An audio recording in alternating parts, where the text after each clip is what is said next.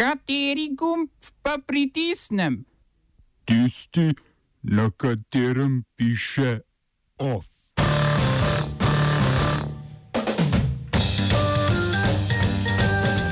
Trump in Kim v Vietnamu brez dogovora. Varnostni svet OZN ni sprejel ameriške resolucije o Venezueli. Infrastrukturna ministrica Alenka Bratušek razrešila direktorja Direkcije za infrastrukturo Damirja Topolka. Raziskava Emila Memona v projektni sobi SCCA in novo prizoritev Tartifa.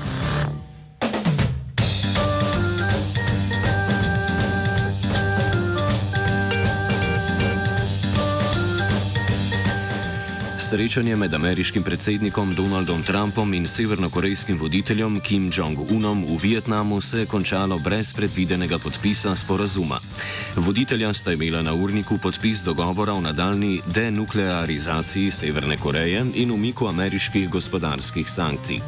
Po Trumpovih besedah je Kim ponudil zaprtje in podrtje jedrskega centra Yongbon, ki je edini severnokorejski vir obogatenega plutonija in najpomembnejši jedrski razvojni center center. V zameno naj bi Kim želel dvig vseh ameriških sankcij.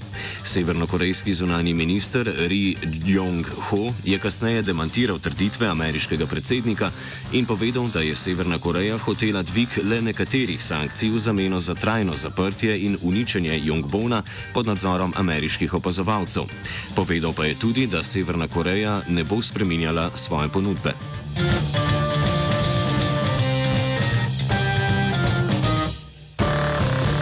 Po besedah ameriške strani so največja nesoglasja nastala glede vprašanja sekundarnih razvojnih centrov, kjer naj bi bili sposobni proizvajati obogateni uran.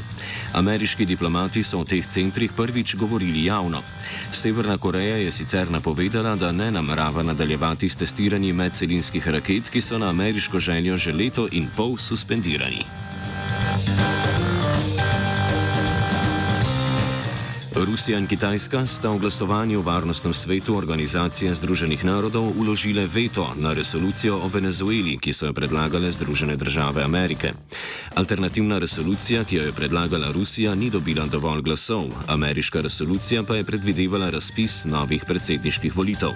Za njo so glasovale tudi evropske članice svet sveta, Velika Britanija, Francija in Nemčija.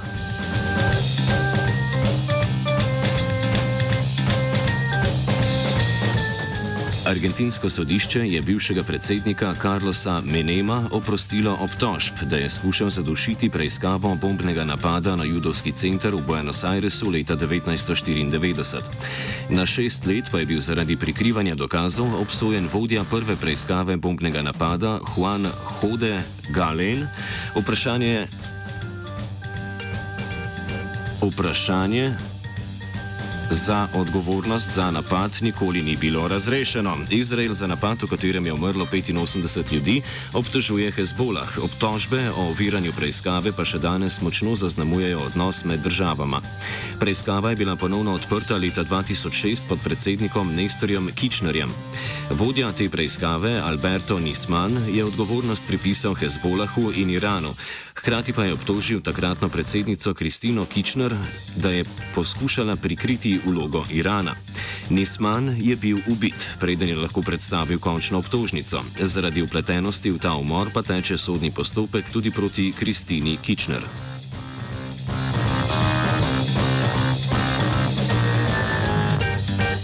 Izraelski državni tožilec je povedal, da namerava vložiti obtožnico proti izraelskemu premijeju Benjaminu Netanjahuju.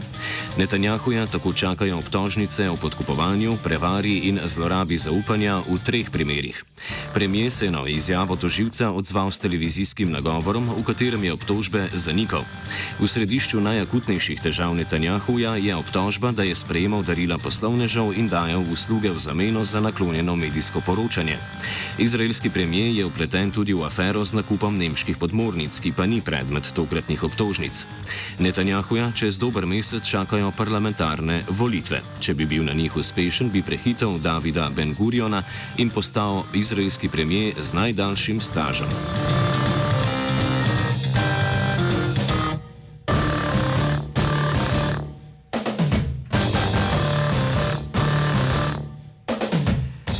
Voditelj libijske vlade narodne enotnosti Fayez al-Saraj in voditelj libijske nacionalne vojske Khalifa Haftar, ki vlada vzhodnemu delu države, sta se na pogajanjih v Abu Dhabiju dogovorila, da nadaljujejo s procesom za izvedbo parlamentarnih in predsedniških volitev. Dogovor o volitvah je bil sklenjen lanskega maja, volitve pa bi morale potekati do konca leta. To se zaradi povečanih spopadov in teritorijalnih sporov ni zgodilo. Vrh organiziran novembra v Italiji prav tako ni prinesel rezultatov, saj strani sploh nista mogli sesti za isto mizo.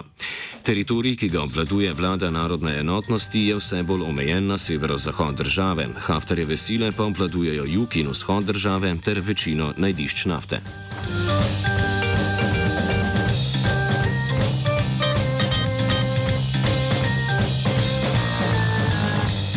Na predsedniških volitvah v Senegalu je zmago slavil dozdajšnji predsednik Maki Sall. Po uradnih rezultatih nedeljskih volitev si je Sall drugi mandat zagotovil že v prvem krogu, saj je sprejel oziroma prejel 58 odstotkov glasov. Najbližji zasledovalec je bil Idrisa Sek, bivši premijer, ki je prepričal 21 odstotkov voljivcev. Po besedah mednarodnih opazovalcev so volitve potekale brez posebnosti. Opozicijski kandidati pa so napovedali, da se na izid ne bodo pritožili. Senegal je sicer ena najbolj stabilnih demokracij v Zahodnji Afriki. Socialistična stranka in Senegalska demokratska stranka, ki sta obvladovali državo pred Salom, nista imeli svojih kandidatov, saj sta bila njuna kandidata obsojena zaradi korupcije. Sal je predsednik od leta 2012, sedaj pa si je prislužil že pet let na vrhu države. Ustavne spremembe so namreč skrajšale predsedniški mandat iz sedmih let na pet.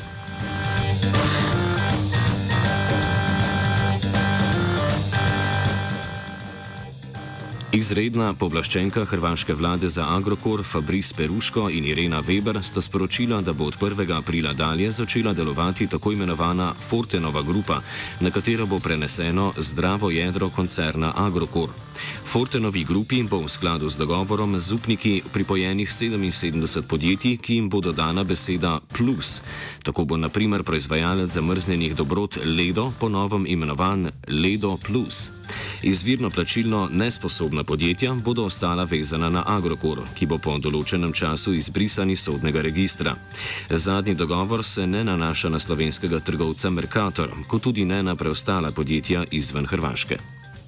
Oba, če bom odgovoril na angliški. Slovenija bo poskušala pomagati. Slovenija bo naredila naš utmost, da bo rekla, da je situacija naš problem, naš sebe. In bomo naredili nadaljnje korake, as soon as the conditions are. Bomo vlado Marjana Cererera Šarca podprli.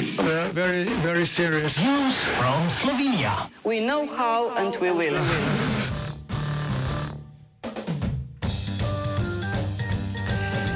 Ministrica za infrastrukturo je napovedala razrešitev direktorja Direkcije za infrastrukturo Damirja Topolka. Po besedah Alenke Bratušek je s tem sledila pozivu premijeja Marjana Šarca naj Lebnovemu zgledu sledijo tudi drugi upleteni v sporni posel z maketo drugega tira. Bratušek sicer odgovornost za afero pripisuje svojim predhodnikom. Citiramo. Maketa ni moja zgodba ali zgodba naše stranke. Odgovornost za to blamažo bodo morali v celoti prevzeti v drugi stranki. Konec citata.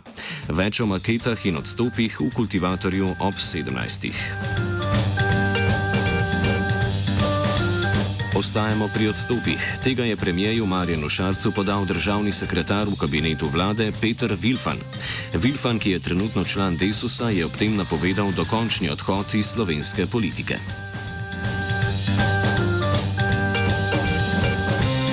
Pri odstopu pa se je očitno prenaglil poslanec Dari Krajčič, ki je odstopno izjavo podal zaradi afere Sandwich. Kot je danes povedal Krajčič, je bila njegova odločitev za odstop prenagljena, zato razmišlja o umiku odstopne izjave. Krajčič ustraja, da je Sandwich iz trgovine odnesel v okviru družbenega eksperimenta. Po njegovem mora biti za krajo izkazan naklep storilca, da se okoristi in da taji dejanje. Zan to ne velja, saj da je kasneje Sandvič tudi plačal. Krajčič ima možnost do ponedeljka umakniti odstopno izjavo, ko je na dnevnem redu državnega zbora seznanitev z njegovim odstopom.